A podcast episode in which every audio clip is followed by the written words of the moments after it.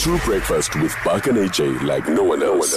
We have Umcebo Dlamini kunye nathi emnxebeni. As a student activist as an activist for the youth as well as um, him being imprisoned for his involvement with fees must fall protest at this university. Ebede wathi prison to me was like an initiation. When they took us to prison they thought they were breaking us. They were anointing us.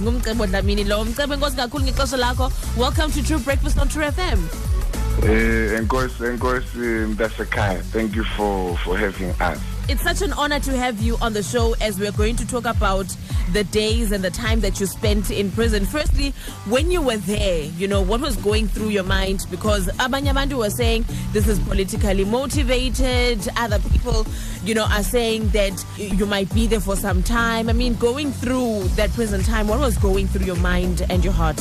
to be honest uh, prison is not a place uh, to be it's not a place for anyone one can celebrate being in prison and then uh, you know looking at it uh, as being a hero of some sort.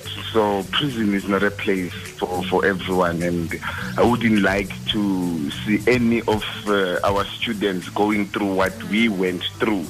But uh, because we were already leaders and we had already had profiled ourselves as leaders of young people so going there we prepared ourselves psychologically and uh, we we unlike the likes of robert sobukwe and uh, your mandelas we don't know where they got their inspiration from to go through what we went through but we got our inspiration from them because uh, through reading books and what Sobukwe went through in those six years of isolation.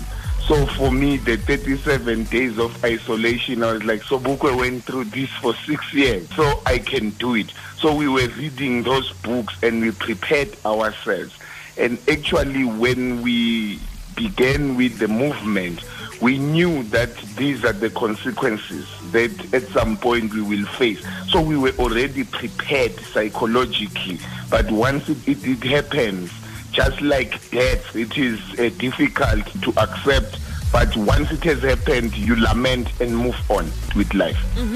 So now you once spoke about the young people that you saw in prison, that many of the people that you saw there were young people, and you said that they Yeah. deprived of an opportunity because of the black government. What did you mean by that? Of course, because uh, you see, when you go to prison, I might not know about other prisons, but Sun City, a maximum prison in, in Gauteng, is mostly dominated by young people, young people between 14 and, and 26. Wow. Those are the people who dominate that prison there. We are saying that uh, the young people are being failed by a government or a system. Just when before you put me through, uh, I was listening to this colonized intellectual from uh, uh, Fort Hare or from wherever he was speaking about education and education not being free anywhere. Those are the arrogance of the educated people who have assimilated into whiteness and believing everything that white people or whiteness is the best. Those are the things that then sidelines the masses of our people, our people from the townships, our people from Eslalini, Nasemachochombeni, who are from poor backgrounds, who are failing or struggling to break the chains of poverty, who then opt for uh, who then opt for uh, crime as some form of survivor.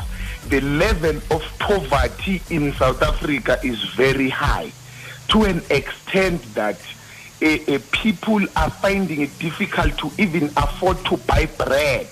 So those people then are left with no alternative to resort to, to, to criminal activities. Those are the people who are in prison. Like I saw a newspaper article yesterday that a traffic cop has been taken to jail for taking a bribe of 100 rand. Now, 100 rand, they are people who are looting billions in this country. They will never see a day in court. They are people who are looting government resources in, in hundreds uh, of thousands. But they will not, because the justice system doesn't protect the poor, but it protects the rich and those who have. Because if someone will go to jail for 100 rand and someone will go to jail for pickpocketing 50 rand, you go there, you spend seven years. Hmm. People who have committed serious crimes are walking free in this country, like a certain MEC who has neglected and committed mass murder in Johannesburg. In that 94 of black uh, mentally ill people were killed with gross negligence. That woman will never see a day in court because uh, he has she has money. Commit a, a, a, a, minor crime of looting 100 rand, you will die in jail. Mm. When I was in jail, there was a young person that I found. That young person, I don't know what he had done, but it's those things of nyaope and mm. other things.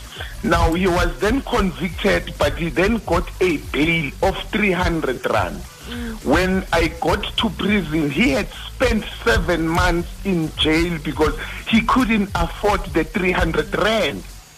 Now, when I questioned the prison authorities to say, how much is this prisoner spending a day? They say 300 rand. I say, how much is the bail? They say 300 rand. How many months has this boy spent in prison? Seven months. Now you look at the logic mm. of the people who are languishing in prison, who they are and where they come from. With the money that students used to come when they were visiting me, I bailed that young man out. He was already in prison for seven months, having got a bail of 300 rand. That's how ridiculous the system is. That's how upset the system is. The justice system itself is anti-black same as the constitution of south africa which is very much anti-black you see by your your uh, resigning within 24 hours to form private prosecution that the system was never meant for us but it was meant for your white afrikaner men who will continue to protect the interest of whiteness in the expense of the poor masses of our people. The ANC government owes it to the black masses to move on a radical I hate to use the word transformation because it has been abused for a long time. Now they must decolonize, dismantle, empower young people mm-hmm. instead of taking them into jail cells. Empower them. Okay. People go to prison because they have nothing to do. Even when they come out of prison, they go back again because outside is hostile. All right. Mcebo, uh, ingathi sivile and uh, I like the point that you're saying to empower young people. It's something that's very critical if we're going to move forward and address the issues of inequality in South Africa and perhaps yeah. address some of, of the legacies of apartheid and and and, yeah. uh, and oppression that we're still facing as young black uh, uh people today. So thank you so much for, for your time and uh, for, for coming through and uh, talking to us, Namhlanje. We really appreciate it. Thank you for, for having us. Thank you, Messi. All right. Find us online. Stream live on truefm.co.za. Uphinde usimamela kwi-DSTV channel 816. True FM ifumaneka kulo lonke eli like no one else.